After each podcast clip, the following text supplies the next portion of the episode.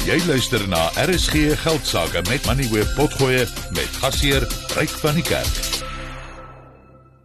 Goeienaand en hartlik welkom by vanaand se uitsending. My naam is Ryk van die Kerk en ons sit hier in die RSG ateljee hier in Auckland Park.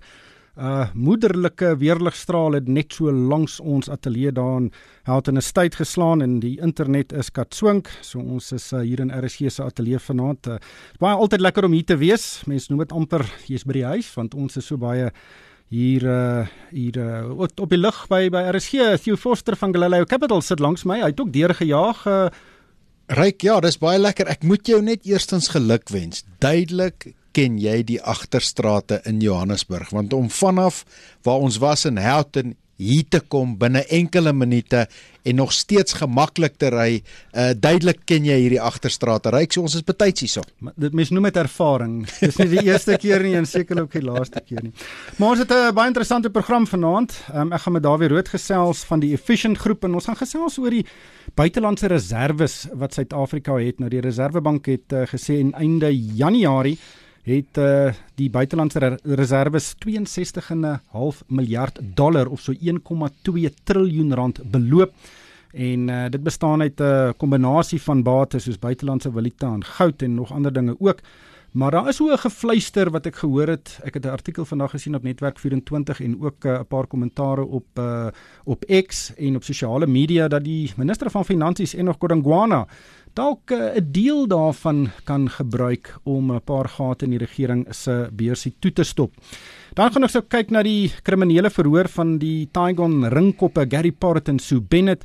Nou ek dink luisteraars sal hulle onthou hier in die vroeë 2000s het hulle 'n skema Tigon bedryf en uh, daar het omtrent 4000 beleggers amper 120 miljoen rand in belê en uh, toe uh, stort hierdie hele ding in duie al die beleggers het hulle geld verloor en sedert 2016 is die saak nou al in die hof. So dis nou al 8 jaar later en die saak het nou 'n interessante wending geneem met die staat wat aanvoer dat die twee ehm um, Gary Parrot en Sue Bennett nou die die saak 'n bietjie vertraag deur beledigings te gooi na Brian Spilg die regter. En uh, hulle wil nou 'n aansoek bring dat uh, hierdie ehm um, gedrag van Gary Parton Sue Bennett uh, nou moet stop. En ek gaan met Antoinette Slabbert van rapport daaroor gesels. Dan Escort, dis die grootste verwerker van uh, varkprodukte in Suid-Afrika en hulle het pas aangekondig dat dit 300 miljoen rand in sy Heidelberg aanleg gaan investeer of investeer het om sy produksie met sowat 50% te verhoog en ek gaan met Arnold Prinsloo van Eskom daaroor gesels. Dan die departement van binnelandse sake het in Desember 'n kennisgewing uitgereik wat bepaal dat buitelanders uh Suid-Afrika teen die einde van Februarie moet verlaat as hulle nie teen 23 Januarie 'n bevestiging van die departement ontvang het wat sê dat toerisme visums is goedgekeur nie. Nou een van die gevolge daarvan sal wees dat buitelandse toeriste van veral Amerika en Brittanje wat lank in Suid-Afrika kom bly, uh, die land vroegtydig moet verlaat. Baie van hulle bly bly die hele somer hier want dit is te koud van waar hulle kom en as hulle nou gedwing word om die land te verlaat, kan dit die land baie geld kos, uh, nie net finansiëel nie, maar dit kan ook baie um, geleentheidskoste en reputasieskade aanrig. En ek gaan met Hanlie Hanlie dit toe van Setsa daaroor praat. En dan op maandag kyk ons ook, al, ook altyd na tegnologie en ek en Pieter Geldenhuys gaan gesels na 'n nuwe tegnologie wat vragskepe inspan om hommeltuie aanvalle te vnuik en dit hou natuurlik verband met die probleme wat tans in die Midde-Ooste ervaar word. Maar kom ons kyk eers wat het op die markte gebeur en daarmee oor na Henko Kreur. Hallo Ryk en sien jou en goeie aand aan elke luisteraar. Ons ons vir die meeste van die dag ons het ons gesien ons plaaslike finansiële markte was in die rooi, maar hy toe op die ouende in die groen gesluit. Amerikaanse markte het sommer op die voorvoet begin aan hulle kant van die wêreld met die Dow Jones en die S&P 500 tans elkeen 0,3% stewiger en die Nasdaq nou 0,5% hoër. Europese beurse het mooi groen gesluit met die Duitse DAX en die Franse CAC 40 elkeen 0,6% stewiger en die FTSE 100 0,1% hoër. Dan het die JSE vandag 0,4% geklim tot 73722 punte. Die nywerheidsindeks was 0,1% op. Die Hulbron indeks 1,5% stewiger en die finansiële indeks 0,1% hoër. Anglo het 'n baie goeie dag gehad. 3,5% gewen vandag. Glencore was 2,5% hoër en BHP, Richmond en Standard Bank elkeen 1% stewiger, maar IB Inbev het 1.5% laer gesluit. Ander maatskappye wat ook laer gesluit het was Textainer en Truus, elkeen 3% laer. Bike, Barloworld en Lightprop het elkeen 2.5% verloor en die Foschini groep, AECI en Mass het vandag elkeen 1.8% laer gesluit. Aan die positiewe kant het Sappi 'n baie goeie dag gehad en vandag 6.5% gewen. Telkom, Alphamin en Kumba het elkeen 3% gestyg en Afrimat, Sibanye Stillwater en Implats sluit elkeen 2.5% stewiger. Dan op die kommoditeitsmark is die goudprys nou 2015 dollar per fyn ons. Platinum staan op 875 dollar en palladium ook op 875 dollar per fyn ons. Die prys van Brent olie is nou 81 dollar en 90 sent per vat. As ons kyk na die wisselkoers, nou R18.95 teenoor die Amerikaanse dollar, R23.90 teenoor die Britse pond, R20.40 teenoor die euro en R12.37 teenoor die Australiese dollar. En daar het ons dit nou Bitcoin verhandel nou teen 950 000 rand. Dit is net so diskant 50 000 dollar, 49 600 dollar vir 'n Bitcoin en heel laaste die plaaslike staatseffekte die R186 verhandel teen 8,9% en die R209 verhandel tans teen 11,8%. Enke baie dankie Theo Forster van Galileo Capital. Uh dit nog 'n stillerige dag op die koöperatiewe front, maar ek dink die uh die groot tendens wat ons nou sien is die S&P 500 in Amerika. Nou dis 'n indeks wat die 500 grootste maatskappye in Amerika verteenwoordig as mens kyk na die uh die toestand van beleggingspersepsie in Amerika. Kyk na die S&P 500 en hy het Vrydag 'n nuwe hoogtepunt geslaan, rekord hoogtepunt en vandag weer. Ja, hy verhandel bo 5000 ryk goeienaand. Hy verhandel bo 5000 en dit is nuwe hoogtepunte. En is die eerste keer wat hy bo die vlak van 5000 verhandel. Nou net om dit in perspektief te sit, Die een van die redes agter hierdie was ons is op die sterkkant van Amerikaanse verdienste groei vir die laaste kwartaal van verlede jaar. Uit die la, ons is meer as 2/3 van die maatskappye het reeds gerapporteer en die die kerngoue draad deur die maatskappye wat rapporteer is dat hulle verdienste is beduidend sterker as wat die mark verwag het. En um, ek wil net twee syfers noem. Rondom 80% van maatskappye wat rapporteer, doen beduidend beter as wat die mark verwag en op hierdie stadium lyk dit waar die mark verwag het dat die verdienste groei in Amerika gaan rondom 1.2% wees. Dit lyk of die oomblik of dit gaan uitkom op 6.5%. So dit beteken die maatskappye in Amerika wat verdienste rapporteer doen beter as wat die mark verwag en dan kan jy aflei dit doen beter as die pryse wat verdiskonteer word in die huidige mark. Um maar nou net om dit baie mooi net in perspektief te sit. Onthou Desember 2021. Desember 2021 was die S&P 500 rondom 4700 punte. So dis maar 6% op van daai datum. Maar as jy dit nou bietjie verder neem en jy gaan kyk na wat in September 2022 gebeur het, die S&P het beduidend afverhandel en van daai vlakke is ons rondom 35% op. So, dis sterker. En die vraag wat jy jouself moet afvra is hoe duur is hierdie mark dan? Nou Dis snaaks as jy na kyk na die waardasie. Die S&P 500 se gemiddelde prysverdienste verhouding was tot hierso vanaf 1900 tot hier by 1980 tussen 13 en 14 keer, maar van toe af is die gemiddeld rondom 22 keer en dis waar ons nou is. So as jou gemiddeld op daai is, dan beteken dit die waardasies is in lyn sit dit net vir ons in perspektief. Die prys-verdienste verhouding is 'n tegniese term, is 'n ja. beleggingsterm ja. en en dit bepaal hoe goedkoop of duur 'n maatskappy is. Hoe werk dit? Dis een instrument. Dis nie die die instrument wat altyd kan geld nie. Mens moet ook versigtig wees in watter sektore jy toepas en hoe jy dit toepas. Maar goed, wat dit op neerkom is, as jy die vorige jaar se wins vat van 'n maatskappy. Nou dit kan 'n genoteerde maatskappy wees of dit kan die winkel op die hoek wees is die is die prysverdienste verhouding hoeveel keer jy vir die afgelope 12 maande se wins betaal. So as jy 22 keer betaal, beteken dit jy betaal 22 jaar se wins die afgelope jaar. En hieso is waar jy nou moet vra wat is duur of goedkoop. Op die oomblik verhandel die Amerikaanse mark rondom 23 jaar se vorige wins wat jy betaal. Die gemiddeld sedert 1980 was rofweg 22 keer. So hy's amper in lyn met die gemiddeld, maar voor dit was dit beduidend goedkoper. Terwyl in die Suid-Afrikaanse mark en dis hoekom baie mense sê ons mark is goedkoop. Ons syfer is op die oomblik nader aan 10 keer historiese wins wat ook rondom 30-40% goedkoper is as ons langtermyn gemiddeld. So ons mark is goedkoop Die rede hoekom hy goedkoop is, is eenvoudig die verdienste groei is nie daar nie en die mense, die markspelers verdiskonteer nie noodwendig groei in die ekonomie nie. The Courier Guy is Suid-Afrika se voorste verskaffer van koerierdienste. As dit kom by die hantering van jou pakkie, doen niemand dit beter nie. So volgende keer as jy iets moet stuur, stuur dit met die mense wat 185 kiosks, 22 depots en 1100 Pudo sluitkassies reg oor die land het. Toonbank tot toonbank begin teen net R65 en dit sluit die verpakking en BTW in. T's en V's geld. Besoek thecourierguy.co.za vir meer inligting. Die Reserwebank het verlede week aangekondig dat Suid-Afrika se buitelandse reserve einde Januarie sowat 62,5 miljard dollar of 1,2 triljoen rand beloop het. Dit bestaan uit buitelandse valuta van so 47 miljard dollar 8,3 miljard rand se goud en 6,2 miljard rand se spesiale trekkingsregte by die Wêreldbank. Dawie Rood is op die lyn, hy is van die Efficient Groep. Dawie, baie welkom by die program. Kom ons begin net met 'n bietjie konteks. Wat presies is hierdie buitelandse reserve en hoekom het die Reserwebank dit? In 'n eenvoudige terme hoe dit werk is dat in Suid-Afrika gebruik ons rande. Ons gebruik nie dollars nie. Maar ons dryf handel met die res van die wêreld. Nou kom ek skets 'n prentjie van iets so tipies sou gebeur. Sê nou maar Suid-Afrika voer platinum uit en die platinummyn word dan in dollars betaal. Dis dan 'n bietjie meer gekompliseerd as wat ek nou sê, maar die basiese beginsel geld.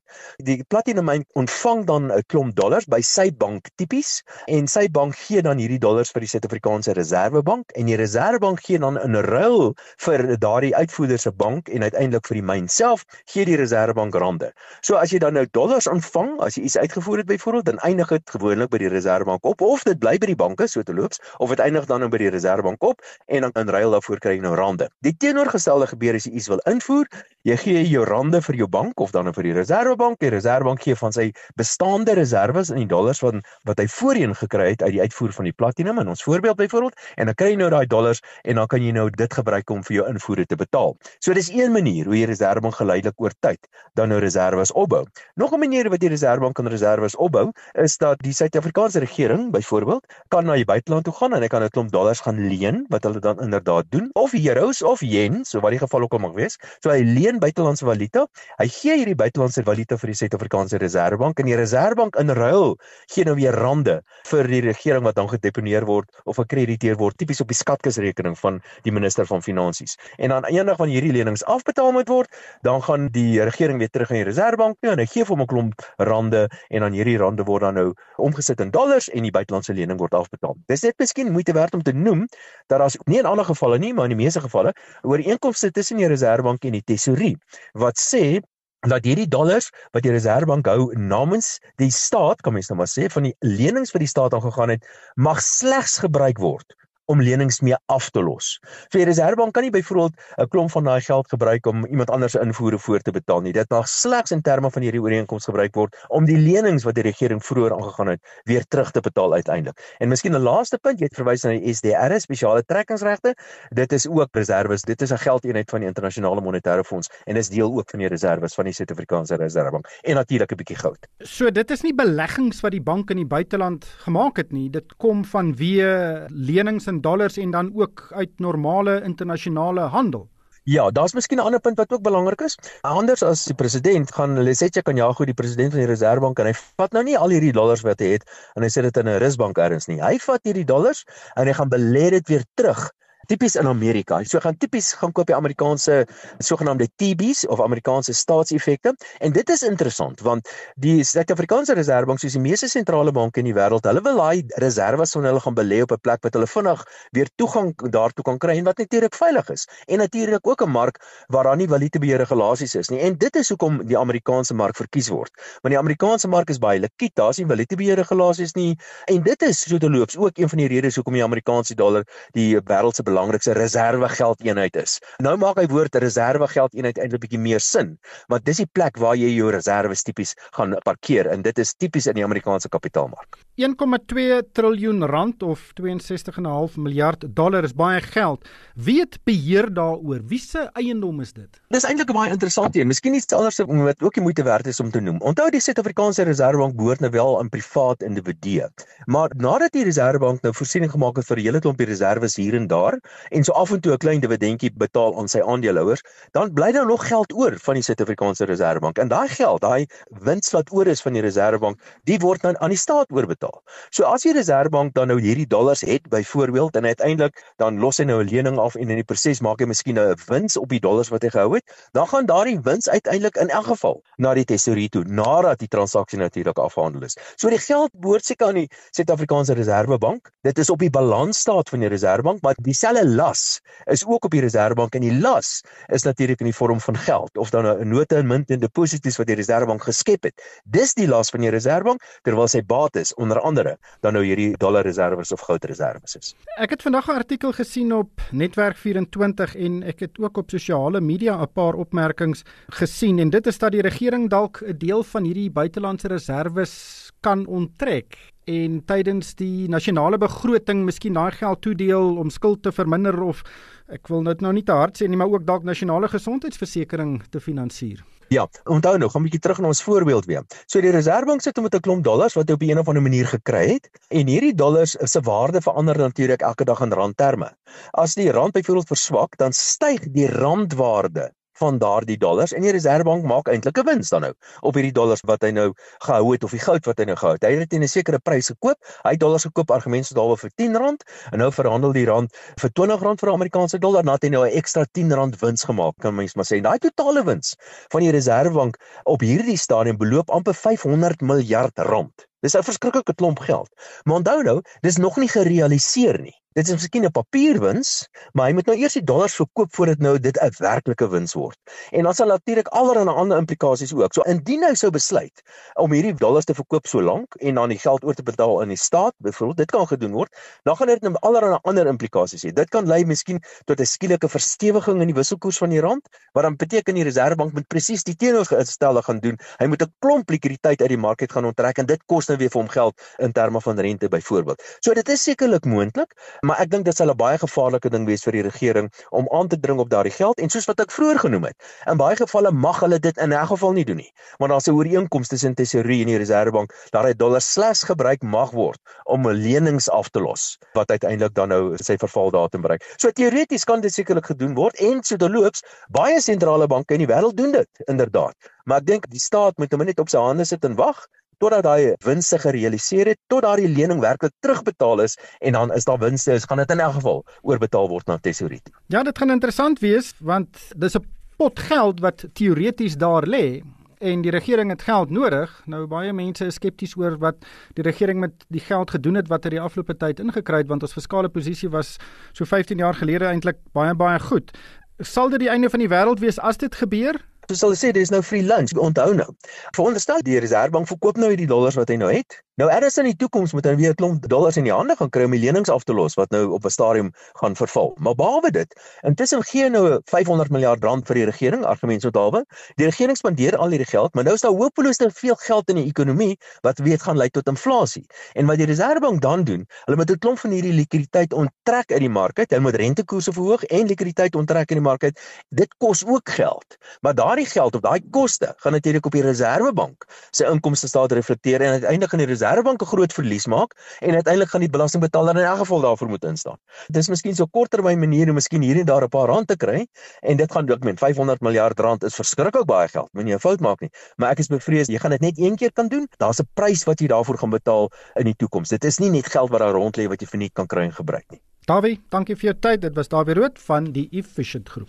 Theo, ja, ek is bly om te hoor. Dawie sê dit gebeur oral in die wêreld, maar daar's so baie wantroue in Suid-Afrika uh veral vanuit die private sektor. Uh die regering het geldprobleme. Daar lê 'n uh, pot geld op die horison. Soos wys sê daar gaan dit gaan ek daar, dit gaan teen 'n koste kom om daai geld te gebruik maar nog steeds, ek dink baie mense gaan baie skepties wees indien dit wel gebeur. Ryk, ek dink 'n mens moet die ding uh, eerder uit 'n uh, en dis die probleem in Suid-Afrika. Ons het al so skepties geraak vir enigiets wat die regering doen dat 'n mens aanvaar altyd die ehm um, uh die, die slegste daarvan. Maar soos wat ek dit verstaan en ek moet sê Dawie het dit baie mooi verduidelik, maar soos ek dit verstaan in meeste ander lande waar dit wel gebruik word en dit suksesvol doen, is daar 'n rasionele berekening, 'n rasionele uh um ondersoek van wat eintlik optimale hoeveelheid is wat die Reserwebank moet hou en dat daai optimale hoeveelheid dan ge, wel gehou word, maar dat wanneer daar sekere um uh, vlakke oorskry word of wanneer daar sekere gebeure plaasvind, laat van daai geld kan wel gaan na die tesorie. Die kern hieso is dit moet 'n rasionele deurdagte strategie wees en ek sal eerder wil hê dat die Reserwebank daai die reservebank en die tesorie daai berekeninge doen as wat dit een of ander regerende party se politikus is wat dink hier's 'n hier's 'n pot geld waarna hulle hande kan indruk. Kom ons kyk na die Tygon storie. Nou die kriminele verhoor van die Tygon ringkoppe Gary Porrett en Sue Bennett uh sleep al vir 8 jaar lank voort in die Johannesburgse Hooggeregshof. Nou die saak strek terug tot die laat 1990s en vroeg 2000s toe sowat 4000 beleggers 115 miljoen rand in Tygon verwante skemas belê het. Die skemas het egter in 2002 ineengestort en die beleggers het hulle geld verloor. Nou Parrot en Bennett is tans in hulle 70s en staan reg op meer as 3000 klagte van bedrog, rampokkery en die oortreding van verskeie ander wette. Die saak het nou 'n interessante wending geneem met die staat wat nou aanvoer dat die twee die regter in die saak Brian Spilg die hofverrigtinge wil ontwrig deur hulle te beledig en sy opdragte te ignoreer. Parrot en Bennett verdedig hulle self en het geen regsverteenwoordiging nie. En uh, Antoinette Slabbert is van rapport sy is op die lyn. Antoinette, baie welkom by die program. Jong, hierdie saak sloer nou al vir 8 jaar in die hof. Uh, dit kom al van 2002 af. Um, maar die staat beweer nou die verrigtinge word deur Bennett en Parrot ontwrig en vertraag. Wat presies doen Parrot en Bennett in die hof om dit te ontwrig? Reg, ja, dit dit is ek is jammer om te sê, maar dit is regtig eintlik 'n sirkus. Uh, in die eerste plek bring hulle aansoeke en appelle op enige ding wat in die hof genoem word of wat nie eers in die hof genoem word nie.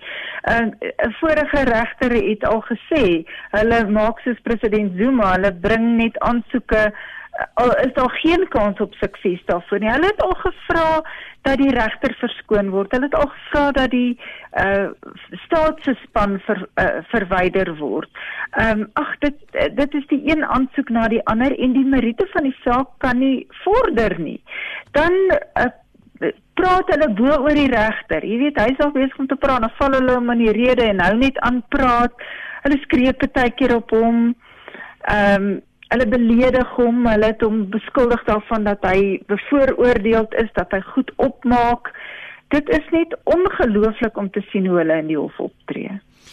Ja, ek Gary Parrot is reeds in die tronk uh, sedert 2017 en nadat hy nie vir 'n verhoor opgedaag het nie, maar Sue Bennett is nog uh, is nie in die tronk nie. Ehm um, so dit is 'n uh, eintlik 'n soos jy gesê het 'n bizarre situasie. Hoe hanteer die uh, regterspil hierdie hele storie? Kyk, die feit dat die twee nie regsverteenwoordiging het nie, maak dit vol moeilik want jy kan nie die reëls van die hof so streng toepas op leuke as wat jy dit kan doen op opgeleide regsgeleerdes nie. Maar nou wil ek sê dit lyk of dit ook maar deel is van hulle set om 'n situasie af te dwing waar dit lyk asof hulle nie 'n regverdige verhoor gekry het nie. So om dit uh, jy weet om daai argument van hulle te probeer ehm um, te te probeer keer dat dit slaag, uh, gee hy vir hulle skiet. Ehm um, hy probeer aan die een kant om vir hulle spertye te gee. Jy weet, jy moet daai aansoek teen donderdagmiddag 3 uur ingehandig hê of jy het net 2 dae vir die kruisondervraging van die getuie. Ehm um, en dan spreek hy hulle streng aan, maar dit lyk nie of dit veel help nie. Partykeer stuur hy hulle koelkas toe soos in 'n rugbywedstryd. Jy weet, 'n uh, paar het gaan afselle toe vir 'n rukkie tot hy afgekoel het of Bennett word gevra om die hof te vir, uh, te verlaat vir 'n rukkie, maar hulle gaan net aan en trans die staat sê in hulle stukke dat die optrede net erger word van die begin van die verhoor af en daarom vra hulle dat daar nou 'n semiere bevinding teen die twee gemaak moet word. Wat wat wil hulle presies hê? Wat kan hulle doen om hierdie situasie nou te verbeter? Wel, die gevolge as hulle slaag sal wees dat Bennett tronk toe gaan. Ehm um, ek dink dit is uh, ja, vir vir 'n tyd sal sy dan in die tronk wees. En vir Parrot sal dit beteken dat hy na 'n afdeling van die tronk gaan. Hy is op die oomblik in die deel vir verhoor afwagtendes, dan sal hy gaan na die deel vir veroordeelde uh, gevangenes. Nou ek ken nie die omstandighede in die tronk nie, maar ek verstaan dit is 'n minder aangename deel van die tronk. Nou soos ek nou al 'n paar keer gesê het, hierdie saak is nou al sedert um, 2016 in die hof. Uh dit is 'n 'n witboortjie misdaad, um, maar in die groter as mens nou in die groter konteks van Suid-Afrika kyk, kan hierdie hulpbronne wat aan hierdie saak gewy word seker baie beter iewers elders gebruik word. Ek dink aan uh, staatskaping vervolgings, ek dink aan weet om om Marcus Jooste miskien verantwoordbaar te hou. Hoeveel hulpbronne gebruik hierdie saak? Dit is aansienlik en uh, maar jy weet ryke mense kyk aan die een kant na jy het nou nog gesê 100 en iets miljoen rand het die beleggers verloor. Maar dit was daai bedrag in 2000 of 2002. As jy nou die tydwaarde van geld bysit, dan is dit 'n aansienlike bedrag vandag. En nie net dit nie, uh die inkomste diens uh voer aan dat hulle met omtrent 'n miljard rand of meer as 'n miljard rand benadeel is deur die dit wat Parrot en Bennett uh, um, en Tygon gedoen het. Nou interessant genoeg eh, dra die inkomste diens by tot die koste van die vervolging. Daar's twee senior advokate, dit is een van die vervolgingsgesag, um, advokaat Jan Ferreira en dan advokaat Etienne Kutse wat eintlik in privaat praktyk is. Maar sy koste word deur SARS gedek. En dan is daar ook uh, gewoonlik in die hof 'n uh, amptenaar van SARS self, om vir jou net 'n idee te gee van hoe lank hierdie ding sloer. Daai amptenaar het vir my gesê toe Torrington Bennett gearresteer is, is sy dogtertjie net gebore en sy is nou 21.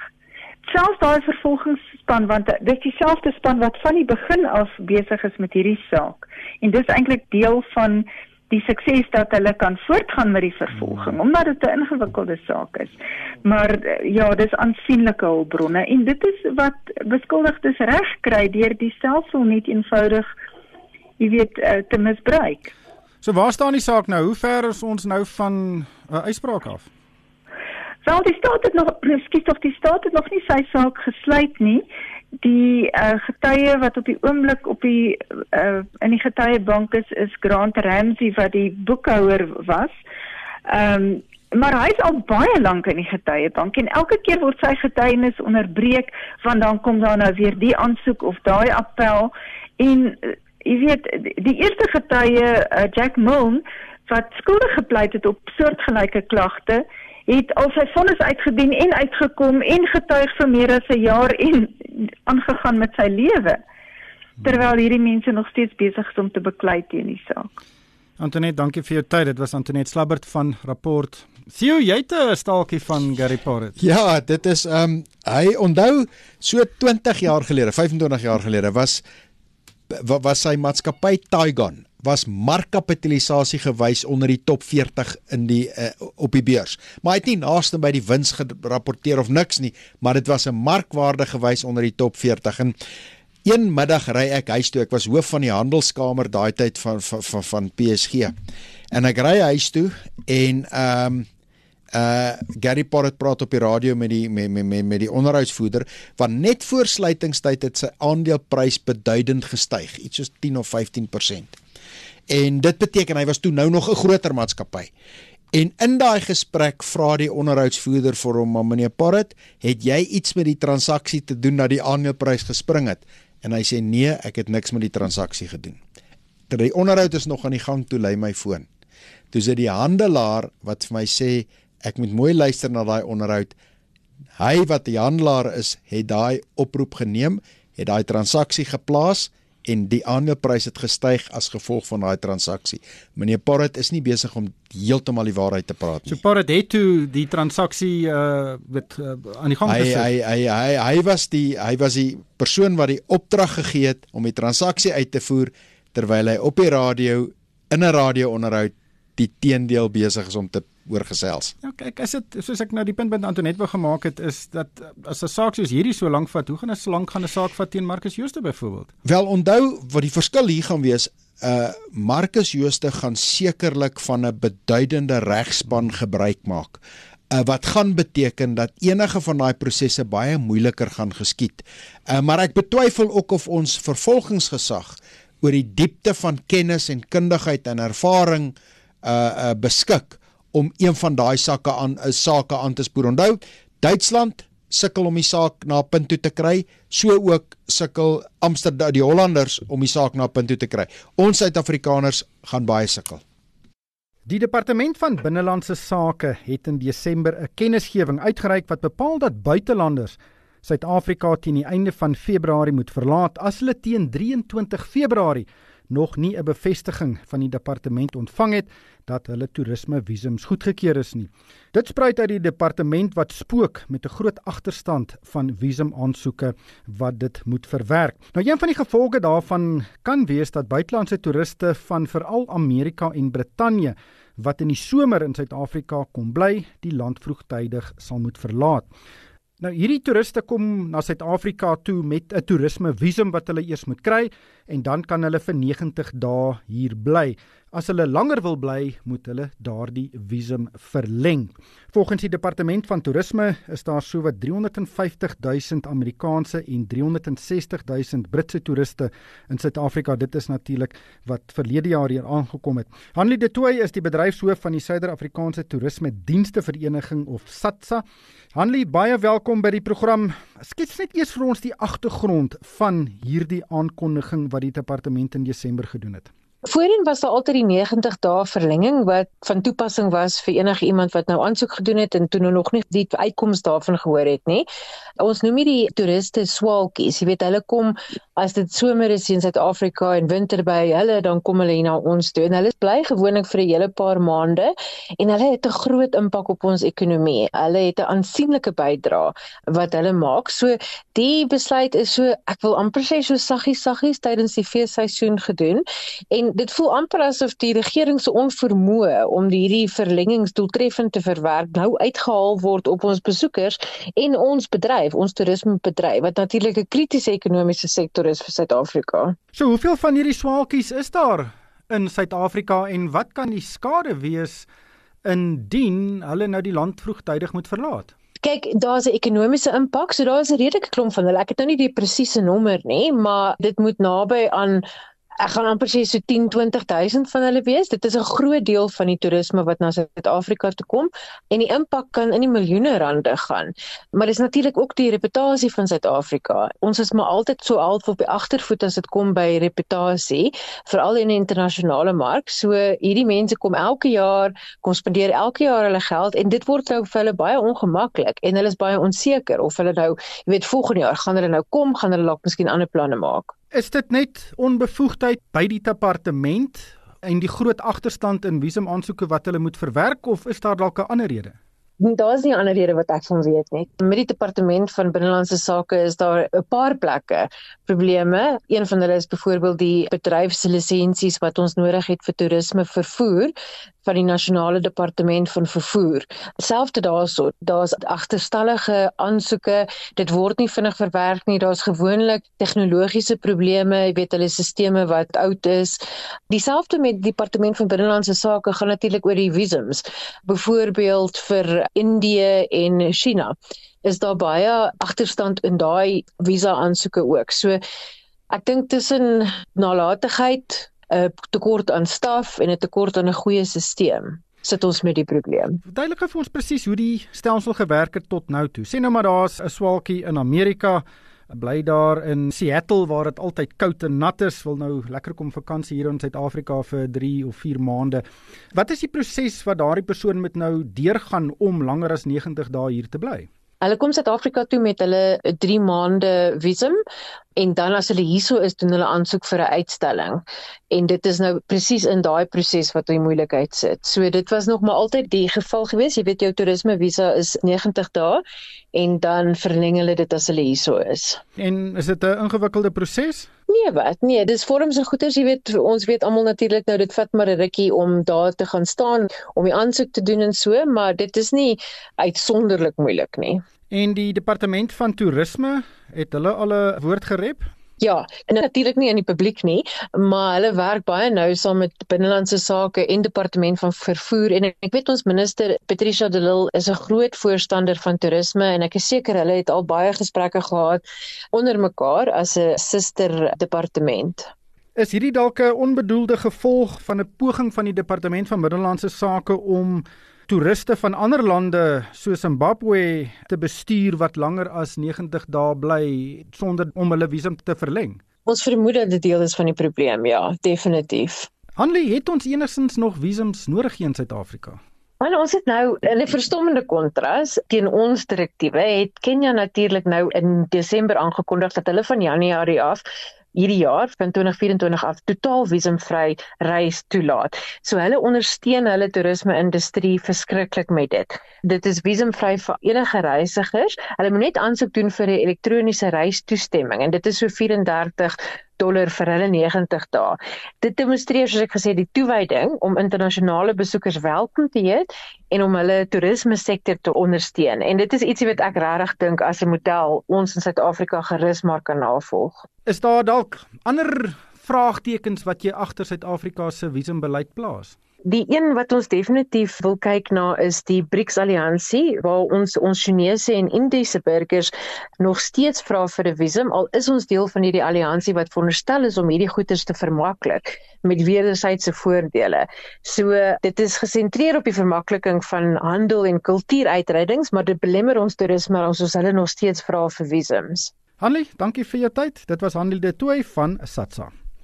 Maak Edgewos jou eerste keuse topgehalte privaat hoër onderwys met 12 kampusse landwyd. Meer as 20 geakkrediteerde kwalifikasies wat internasionaal erken word in die fakulteite toegepaste wetenskap, handel en regte, geesteswetenskappe en inligtingstegnologie. Studeer voltyds, deeltyds op kampus en aanlyn begelei deur ervare dosente. Konnekteer ook met finansieringsvennote en eksterne beursgeleenthede. Vind jou kampus en skryf vandag nog in op www.eduvos.com. Eduvos, jou opvoeding, jou toekoms.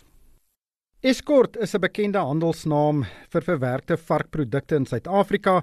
Nou die groep se wortels strek terug tot 1917 toe verskeie boere in die Escort area hulle eie abattoir en verwerkingsaanleg begin het. Vandag is dit die grootste produsent en verwerker van varkvleis in die land en dit het pas aangekondig dat dit 300 miljoen rand in sy Heidelberg aanleg geïnvesteer het wat skynbaar sy produksie met sowat 50% sal verhoog. Arnold Prinsloo is die uitvoerende hoof van Escort. Arnold, baie welkom by die program. Voor ons oor die belegging gesels, hoeveel aanlegte het Escort en hoe belangrik is die Heidelberg aanleg? Heidelberg aanleg is baie belangrik vir ons. Dit is ons primêre aanleg waar ons varke slag en ontbeen en dan stuur ons van die vleis na Escort se fabriek toe. Ons het twee fabrieke, die Heidelberg fabriek en dan die Escort fabriek in KwaZulu-Natal. Julle het nou 300 miljoen rand in die Heidelberg aanleg belê. 300 miljoen rand is baie geld. Wat presies wil julle daarmee vermag?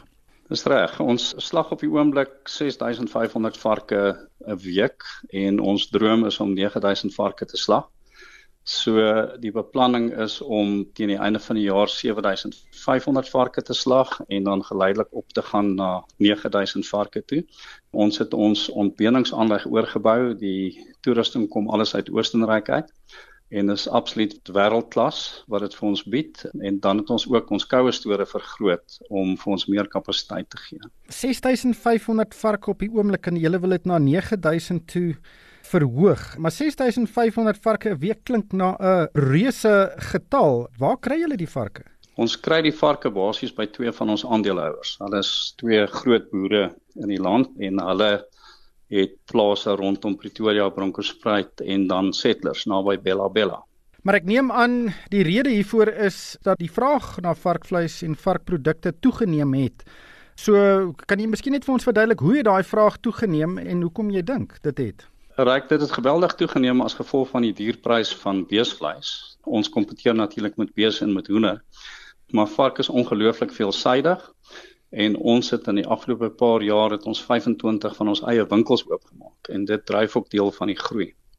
En varkvleis is die mees populêre vleis of die verbruikte vleis in die wêreld. Heeltemal meer as hoenders. Dis net in Suid-Afrika en Brasilië wat hoenders meer populêr is as gevolg van die pryspunt maar vark is baie veelsidig en mense kan dit sien wat ons winkels besoek. Hulle kan sien hoe baie produkte ons in die mark het wat gemarineer is of gerook is of speserye bygesit is. Wat is die gewildste produkte wat julle produseer of waar julle die grootste markandeel het? Grootste markandeel het ons in spek. Ons produseer so bietjie meer as 800 ton spek 'n maand en dan ook in varkworsies het ons seker 80% van die mark. Ja, dit is wesentlik. Jy het nou vroeër verwys julle het nou van julle toerusting vervang vir die ontbeen van varkkarkasse en dan ook het julle hierdie groot koelkamer of vrieskamer gebou wat skynbaar die grootste in Afrika is.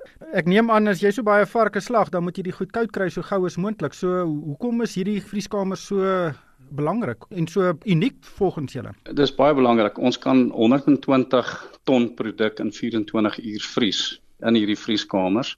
En die probleem het natuurlik ontstaan met load shedding wat jy nie genoeg elektrisiteit gehad het nie en nie volhoubaar jou produkte kon vries nie en dit het 'n effek op die kwaliteit ook gehad. En omdat ons die beste kwaliteit in die land wil voorsien, het ons 'n besluit geneem om hierdie toerusting in te voer van Swede af en 'n spesiaal vir ons gebou en ons kan 120 ton per 24 uur siklus daarin vries. En elektrisiteit, ons het nog steeds beerdkrag, het jy 'n voorsiening daarvoor gemaak? ja, ons het vier generators geïnstalleer wat vir ons 4 megawatts elektrisiteit verskaf. Dit is so gelykstaande aan 800 huise se krag wat ons in die fabriek opwek en genoeg krag vir ons deurentyd voorsien. En hernubare krag was seker nie werklik 'n opsie nie. Nee, want jy kan nie genoeg krag opwek. Met jou bevriesing vat ongelooflik baie krag. En daarom kan jy dit nie net doen met sonpanele byvoorbeeld nie. As baie negativiteit in Suid-Afrika, baie ondernemings het basies hulle beursies toegeklap en gesê hulle gaan nie in hulle besighede belê voordat daar nie miskien bietjie meer politieke sekerheid het nie. Hoe swaar het daardie oorweging gelê toe julle nou moes finaal besluit in die direksiekamer om nou daai cheque vir 300 miljoen rand te skryf? As entrepreneurs moet jy altyd positief bly en ek sê altyd jy moet slimmer en vinniger werk as jou oppositie. En as jy dit doen en vinnige besluite neem en voorloop, dan gaan jy die vrugte pluk daarvan. So ons het die afgelope jaar met 17% gegroei in volume en verkope en dis 'n bewys daarvan. Ons het 'n jong bestuurspan wat fantasties presteer en dis hoe ons die dinge doen. Ja, dis lekker om dit te hoor. So dit is 'n absolute sakebesluit in aggenome die ekonomiese en politieke omgewing in Suid-Afrika en julle sien die geleenthede en julle gaan daarvoor. 100%. 100%. Arnold, dankie vir jou tyd. Dit was Arnold Prinsloo, hy is van Escort. Theo, mens moet net sê Escort is nie 'n genoteerde maatskappy nie, so dis nie eintlik in die in die kollig nie. Ons weet nie baie daarvan veral in die finansiële kant van die maatskappy nie, maar dit klink of dit 'n reuse maatskappy is. Dit om 'n 1000 varke 'n week te slag. Dis eintlik nee, nee, nee. 6000 varke 'n week. 6000, ja, maar dis 1000 'n dag. 'n Dag, so, ja. So 1000 varke per dag. En dan sê hy dit word voorsien deur twee van hulle aandeelhouers en twee groot boere. So so so dis 'n hele waardeketting en dan het hulle het hy genoem hulle het 'n hele klomp winkels. So dis 'n waardeketting van 'n klomp boere, 'n paar boere. Hy het gepraat van twee wat ek neem die groot soveelheid gee. Twee boere wat elk gemiddeld 3000 varke 'n week voorsien. 'n Vervaardigingsaanleg waar hy nou gepraat het wat 300 miljoen rand se kapitaal uh investering doen en dan 'n klompie winkels. Uh, dit dis 'n ons het fenominale besighede in Suid-Afrika, fenominale suksesstories wat ons nie altyd op die groot klok sien nie. Nou dis maandag aand, nou gaan ons uh, na tegnologie ontwikkelings kyk. Pieter Geldenhuys is soos gewoonlik op die lyn Nou hy is die direkteur van die Instituut vir Tegnologie Strategie en Innovasie en hy's ook verbonde aan die Londense Sakeskool. Uh, Pieter baie welkom by die program. Daar staan baie probleme in die Midde-Ooste waar Houthis se uh, kommersiële uh, vragskepe met hommeltuie aanval en dit het al die oliepryse beïnvloed. Baie skepe vaar ook nou om Afrika om van die ooste af by Europa uit te kom. Uh, maar dit lyk nou of daar 'n oplossing vir die probleem is en dit is dat vragskepe spesiale verdedigingsstelsels installeer om hierdie hommeltuig aanvalle te vnuik. Wat behels dit? Alright, dit is baie belangrik dat die maatskappy dit wel doen. Jy weet, as ons kyk na wat uh, Donald Trump op Twitter gesê het, dan sê hy dat uh, globaliste 'n uh, groot uh die bedreiging van Amerika is en dit wat hy eintlik wil sê is dat die Amerikaanse uh, vloot nie eintlik in die toekoms onder 'n republikeinse regering eintlik die see weer veilig gaan nie. So 'n hele klomp maatskappye sê wel as ons nie op iemand anders kan staat maak nie, dan moet ons seker maak dat ons al van seerowers en veral nou met wat in in um Jemen gebeur het, ehm um, dat die tegnologie op skepe van so aard is dat dit teen uh hommeltuie ook gebruik of beveilig kan word. Daarom is daar 'n geweldige groot beweging waar maatskappye sê, hoe kan ons ons uh vaartuie veilig maak teen aan die een kant seerowers en aan die ander kant uh, hommeltuie. Maar hoe, hoe werk hierdie verdedigingsstelsel? Daar is 'n hele paar opsies beskikbaar. Ehm um, een van die mees dit hang af van watter tipe hommeltuie. Die Houthis het ehm um, in, in Engels praat praat ons van loitering drones. Hierdie is hommeltuie wat omtrent 1500 tot 2000 km ver kan uitvlieg en dan wag hulle op 'n plek tot hulle dan um, hulle teiken sien en val dit dan aan. En baie van hulle maak dan gebruik van GPS uh, tegnologie om dan hulle posisie reg te bepaal en infrarooi om dan die aanval uit te oefen.